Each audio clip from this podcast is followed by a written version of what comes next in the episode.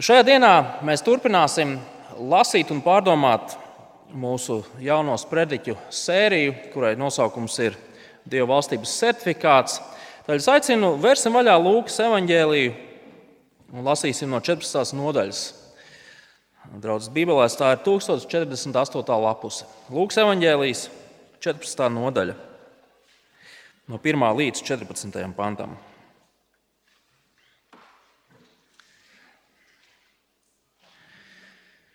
Jēzus kādā sabatā iegāja ievērojami farizēju namā maizi ēst, un tie viņu novēroja.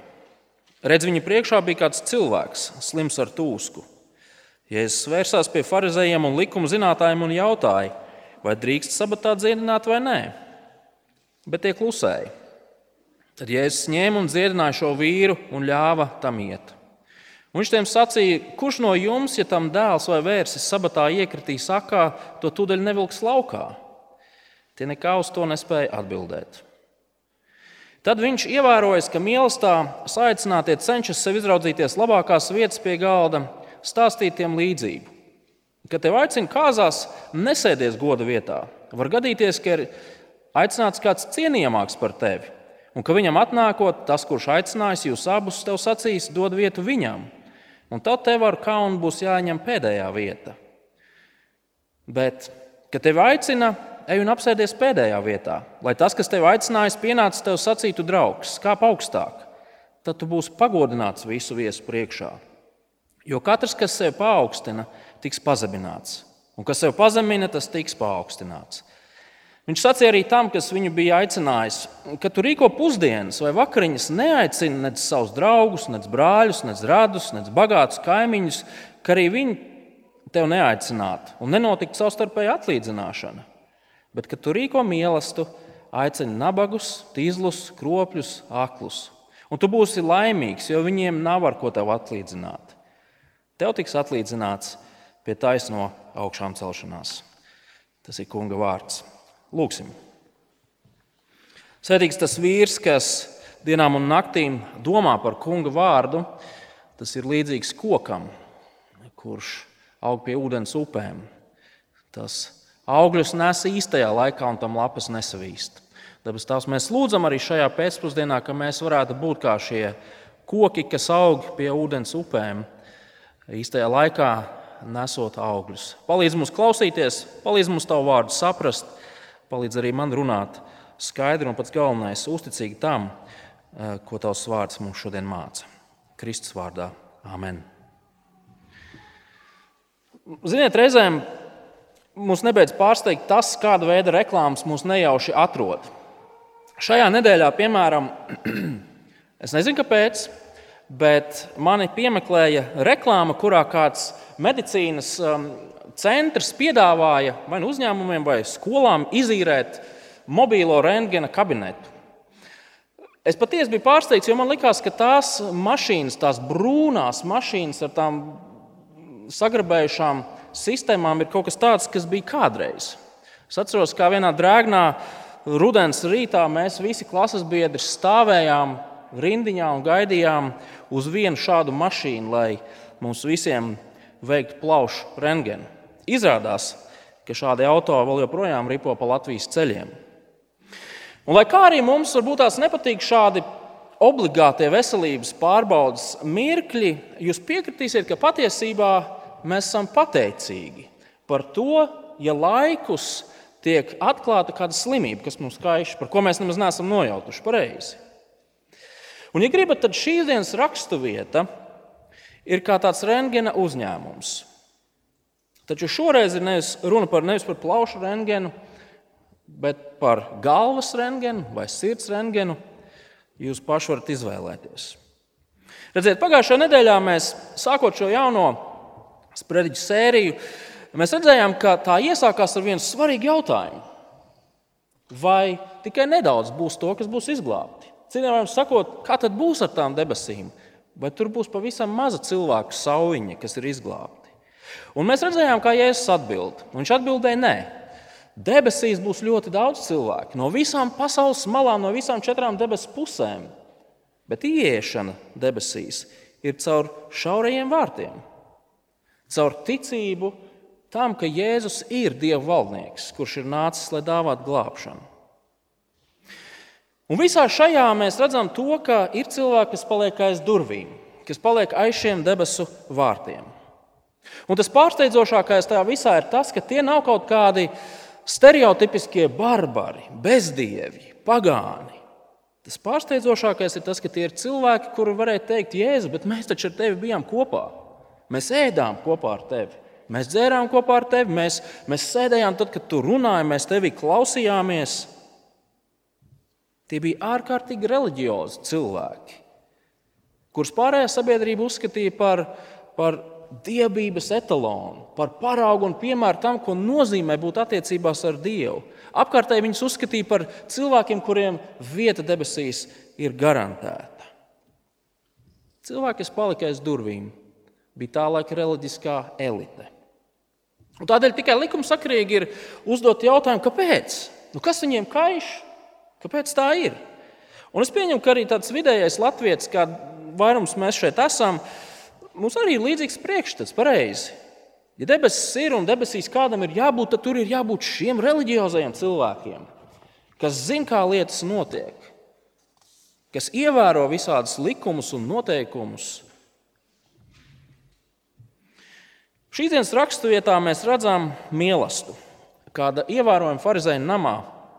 Un šajā mīlestībā ir tādas trīs nelielas epizodes, kuras visas kā viena ir kā šie rentgena uzņēmumi, kas mums palīdz ieraudzīt to, kas atrodas šī ievērojamā farizēna un viņa ciemiņu, viņa biedru sirdīs. Un tas, ko mēs ieraugām, nav nekas glīts. Mēs redzam liekulību, mēs redzam lepnību, paaugstināšanos, un mēs redzam ārkārtīgu fokusēšanos uz šo pasauli. Lūk, šo mīlestību ir iekļāvis savā evanģēlijā, lai mums palīdzētu saprast to, ka ne jau reliģiskie darbi, tradīcijas, likumi, noteikumi, prasības un visādas tādas lietas mums garantē iekļūšanu debesīs. Ieiešana pa šaurajiem vārtiem ir saistīta tikai un vienīgi, tikai un vienīgi ar to, ko cilvēks dara ar Jēzu Kristu un viņa darbu. Šis mīlestības, kas ir mūsu priekšā, atklāja to, ka šiem cilvēkiem Jēzus bija vienaldzīgs.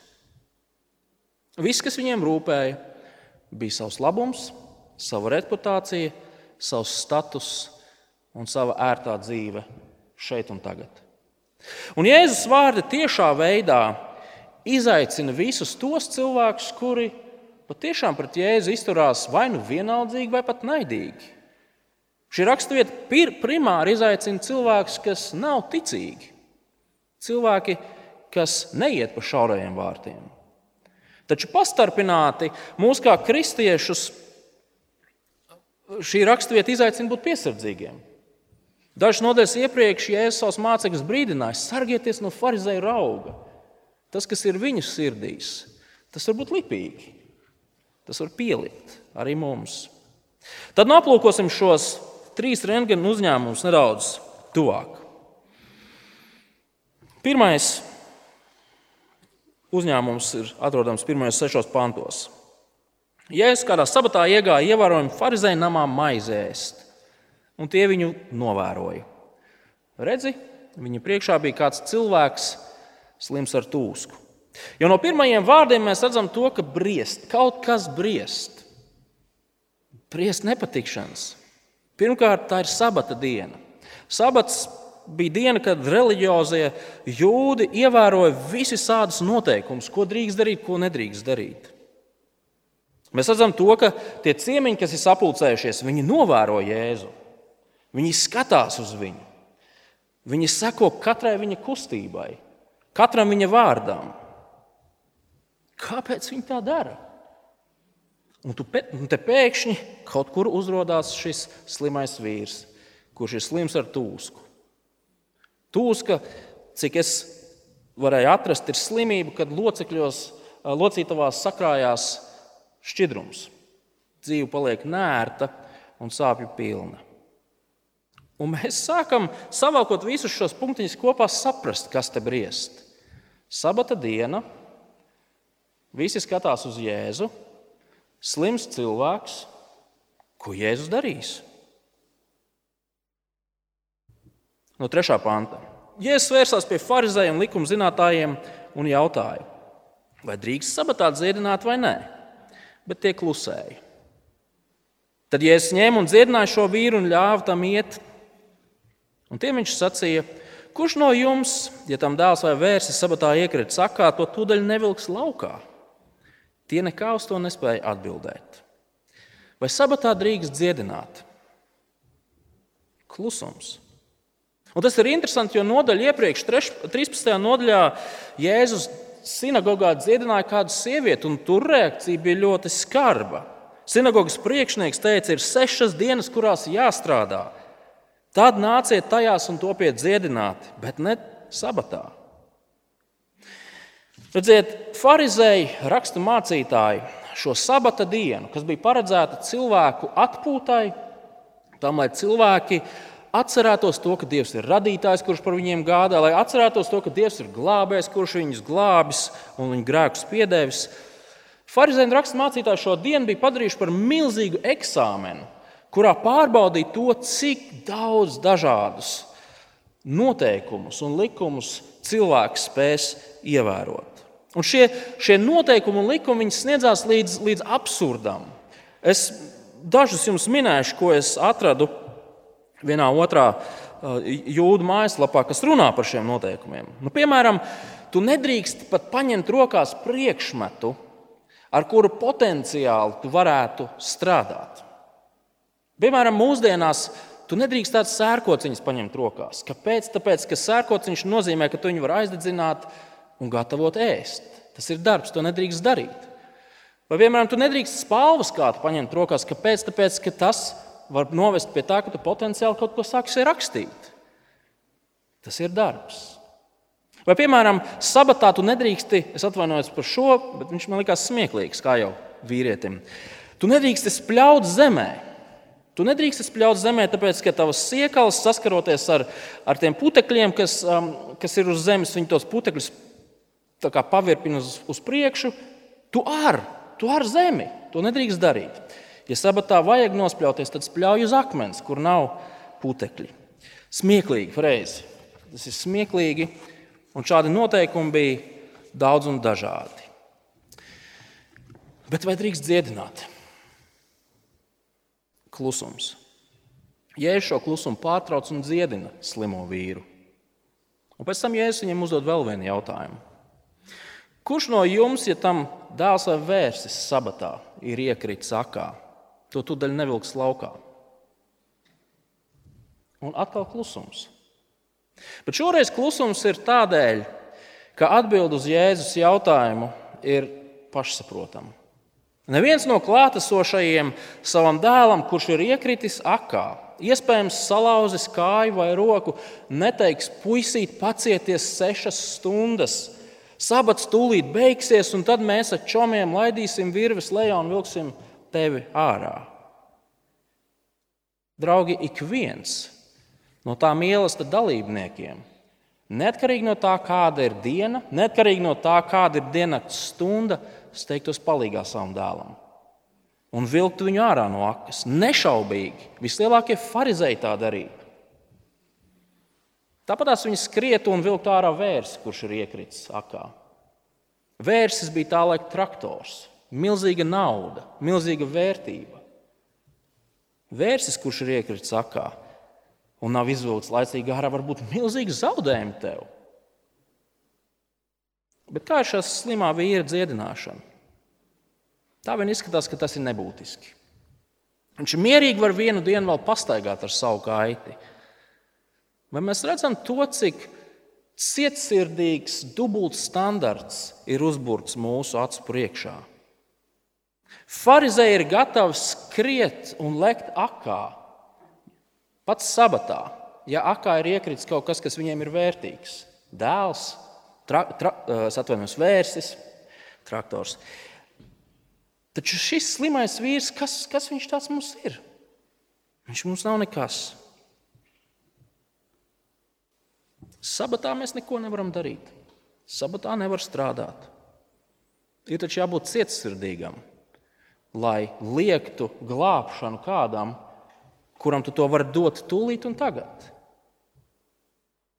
Draugi, Pharizēji radot šo sistēmu, uzskatīja, ka tādējādi viņi sev bruģē ceļu uz debesīm. Viņi dara visus šos darbiņus, kurus viņi paši bija izdomājuši.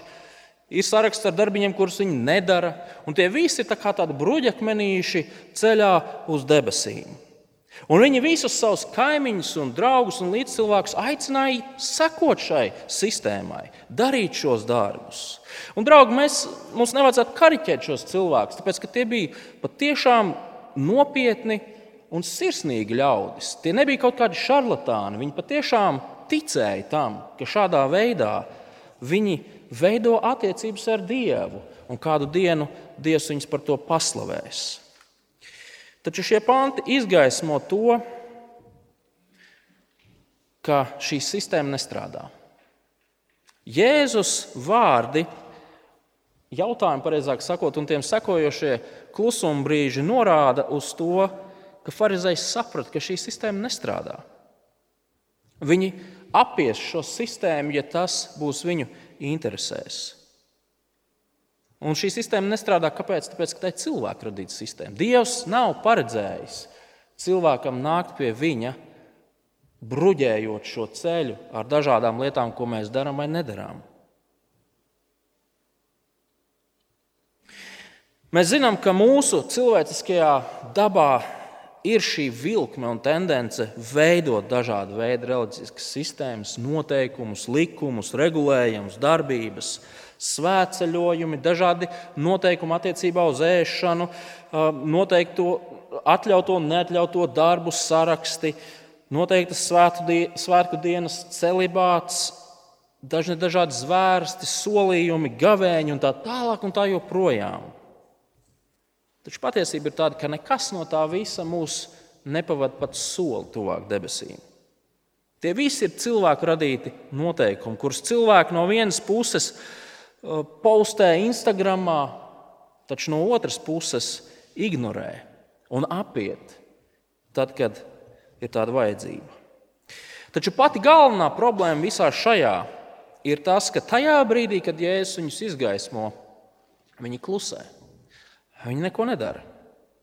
Šeit nav nemiņas no, no savu kļūdu atzīšanas, šeit nav nemiņas no nožēlas, nemiņas no izmaiņām.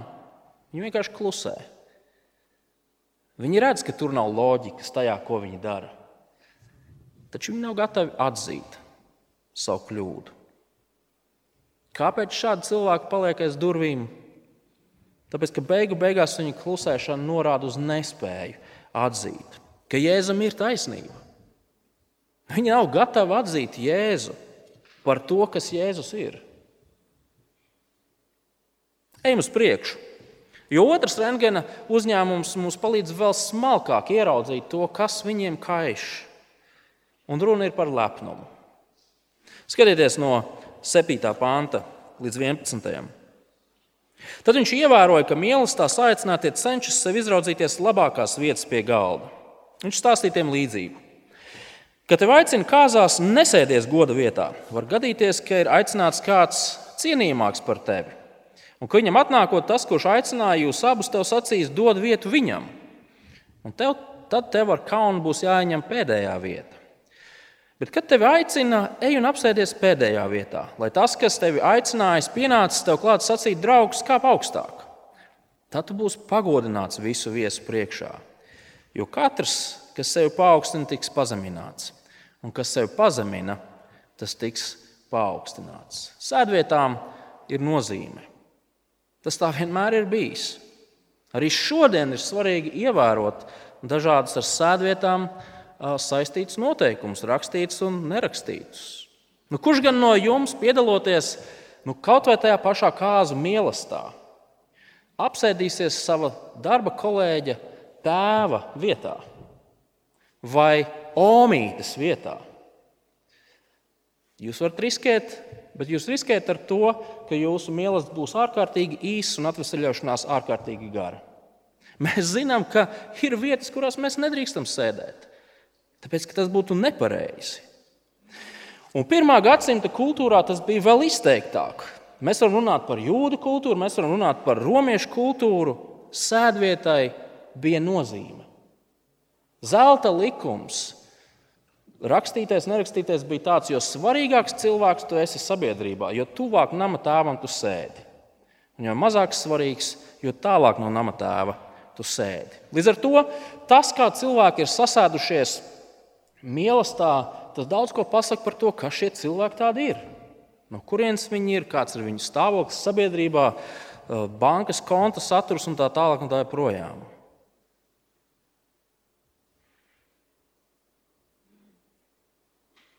Jēzus redzot šos sacīkstus par labākajām un godājamākajām vietām, saka, labāk sāc ar pazemību. Pretējā gadījumā tu piedzīvosi milzīgu kaunu. Mēs varam iztēloties to, kā šie cilvēki ir sasēdušies tur, kur viņi ir sasēdušies, un tad nav tās pieiet pie kāda no cilvēkiem, kas ir sevi paaugstinājis, un saka, ej, sēdi tur, tāpēc, ka ir ieradies mans brālēns no Efezas, un viņš ir pilsētas mērs. Un viss, kas tev atliek, ir ar sarkanām ausīm doties un apsēsties uz tā trīskājainā beņķīša, kurš ir ienesis no kurtuves, tāpēc, ka cita beņķīša nebija. Ja es saku, nepaukstinies, esi pazemīgs.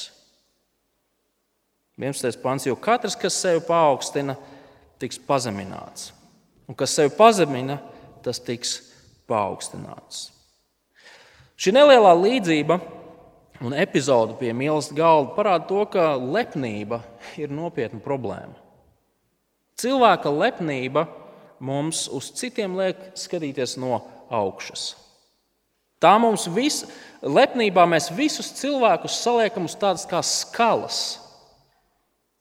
Un mēs meklējam veidus un definīcijas, kā mēs citiem cilvēkiem šajā skalā varam būt priekšā. Un pat tad, kad mums nesanāk būt priekšā, tad mēs tā vietā, lai teiktu, ne, atzītu savu patiesību par sevi, mēs sakām, bumba ir ovāla, tiesnesis neredzēja. Tas notika, tas notika. Mēs sākam attaisnoties un mēģināt atrast iemeslus ārpusē, kāpēc mēs esam šajā skalā, tur, kur mēs esam. Taču šīs dienas nelielās epizodes, tā specifiskā lepnuma izpausme bija tas, ka cilvēki bija radījuši, ja gribat, kurš būs un kurš nebūs debesīs skala.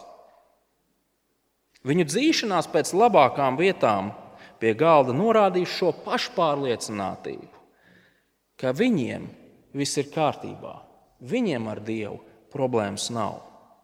Bet kā tad ir īstenībā? Īstenībā ir tā, ka Dievs ir tas, kurš nosaka to, kur katrs no ļaudīm sēž. Un viņa atskaites punkts ir nevis tas, kādi mēs esam šajā sabiedrībā, nevis tas, kāds ir mūsu status, mūsu materiālais nodrošinājums, mūsu sasniegumi un kas tik vēl nē. Vienīgais kriterijs, ko Dievs ņem vērā, ir tas, ko mēs darām ar Kristu.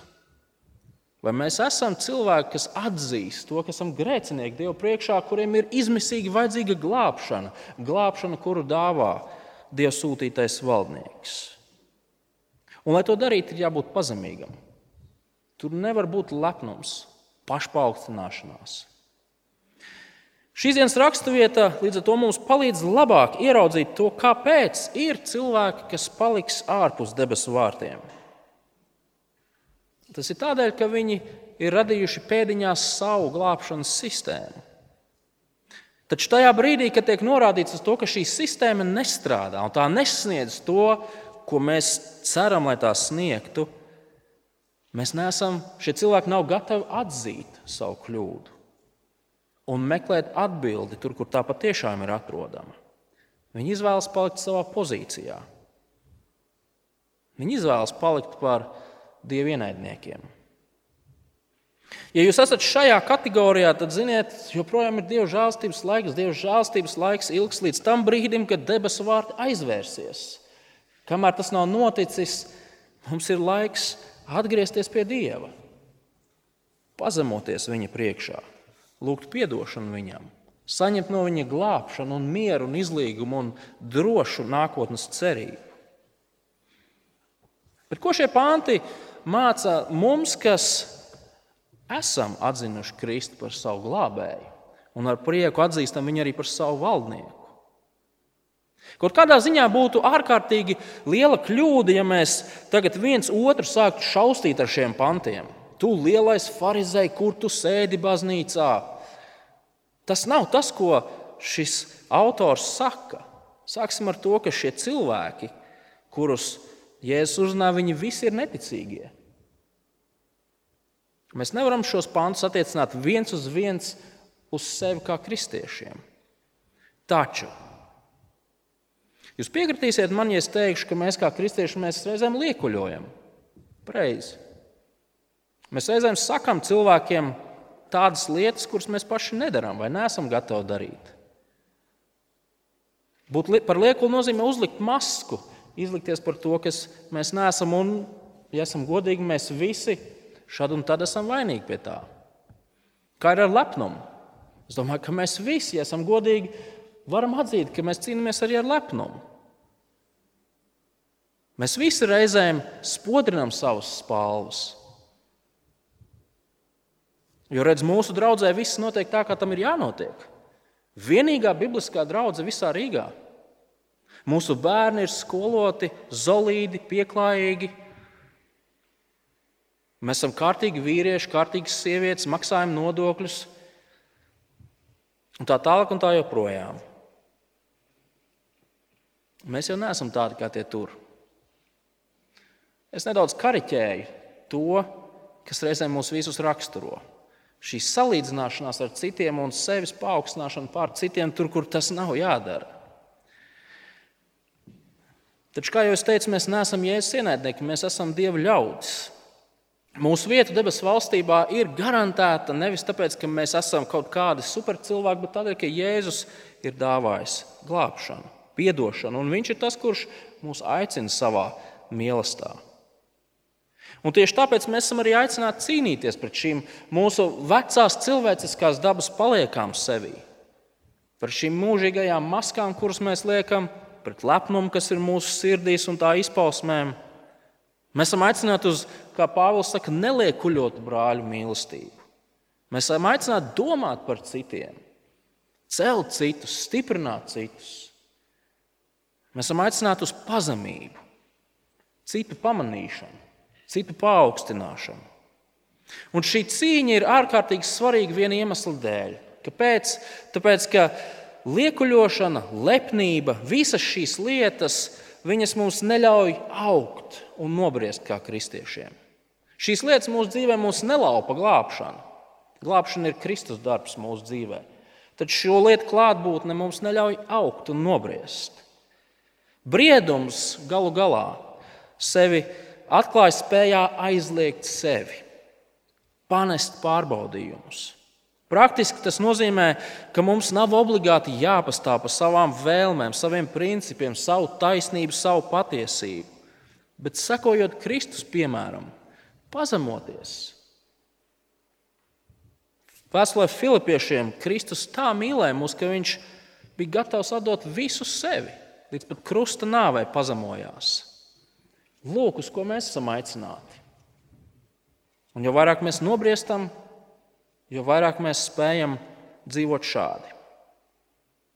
Un tas mūs novada pie šīs dienas raksturvietas pēdējās daļas, kurā Jēzus izgaismo vēl vienu sirds problēmu.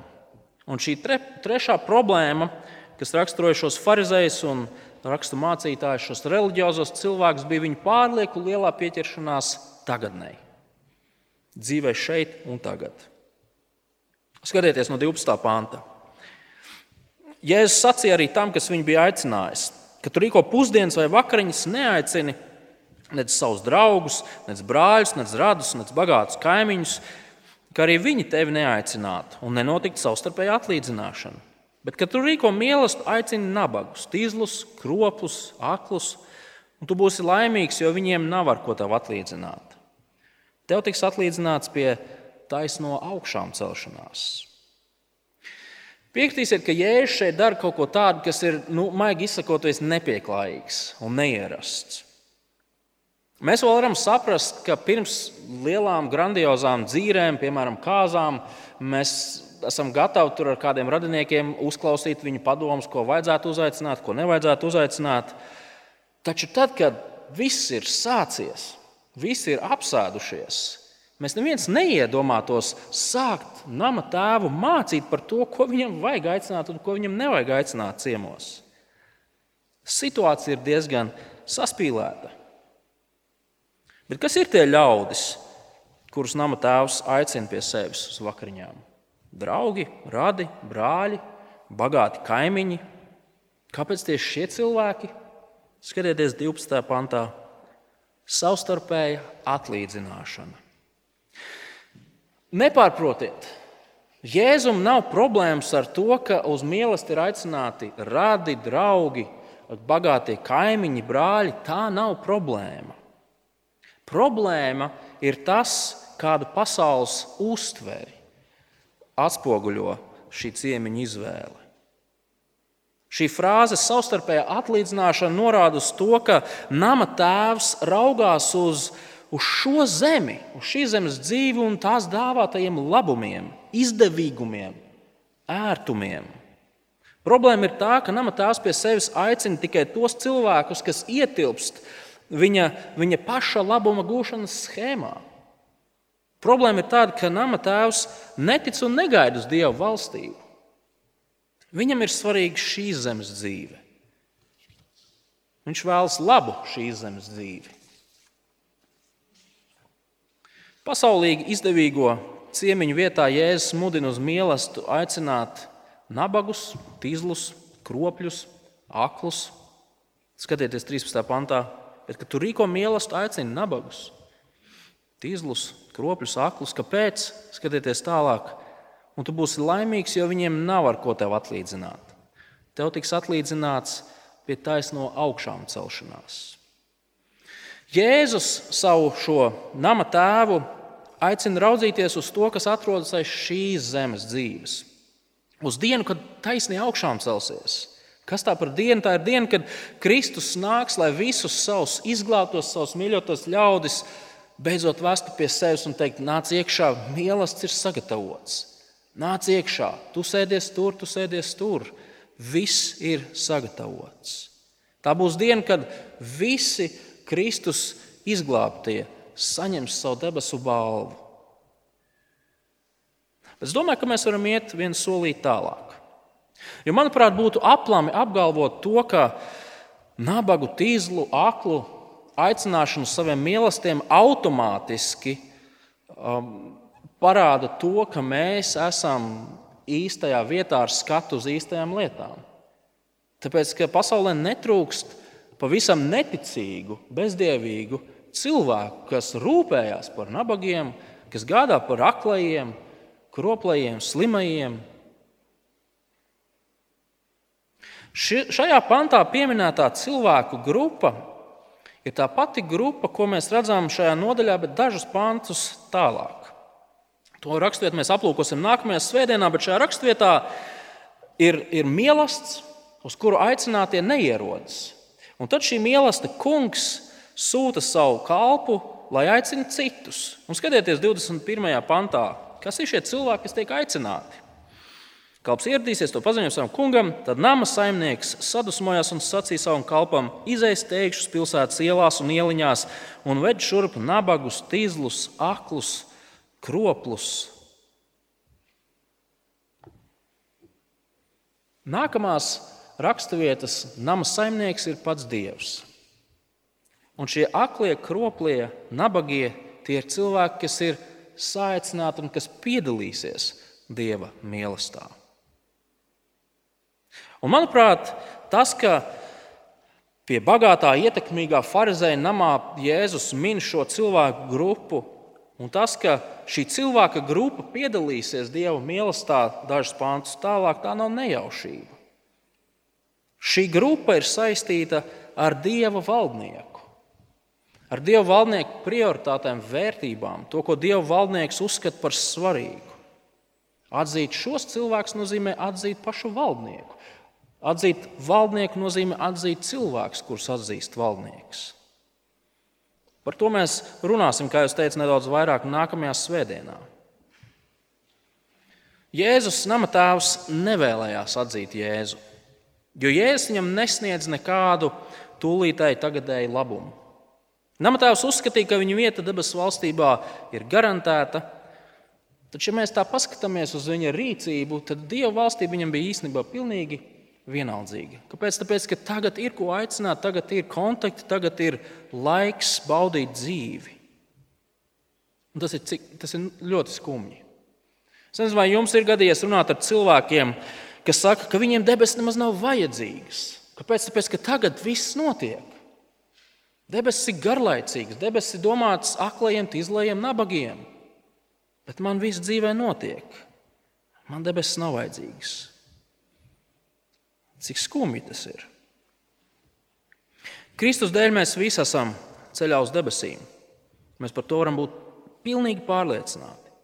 Taču tie, tieši tāpatās kā iepriekšējās divas epizodes, un tas, ko mēs tajā rentgena uzņēmumā redzējām, šī liekulība, pašpaukstināšanās, lepnība, tieši tāpat kā šīs lietas ir lipīgas, arī pieķeršanās, pārlieku liela pieķeršanās šai dzīvei un visiem tiem labumiem, ko tā dod, arī var būt lipīga.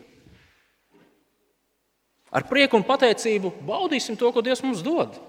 Ka varam strādāt, varam saņemt algu, varam ceļot, varam atbalstīt viens otru un tā tālāk un tā joprojām. Taču neaizmirsīsim tos, kuriem mēs ejam.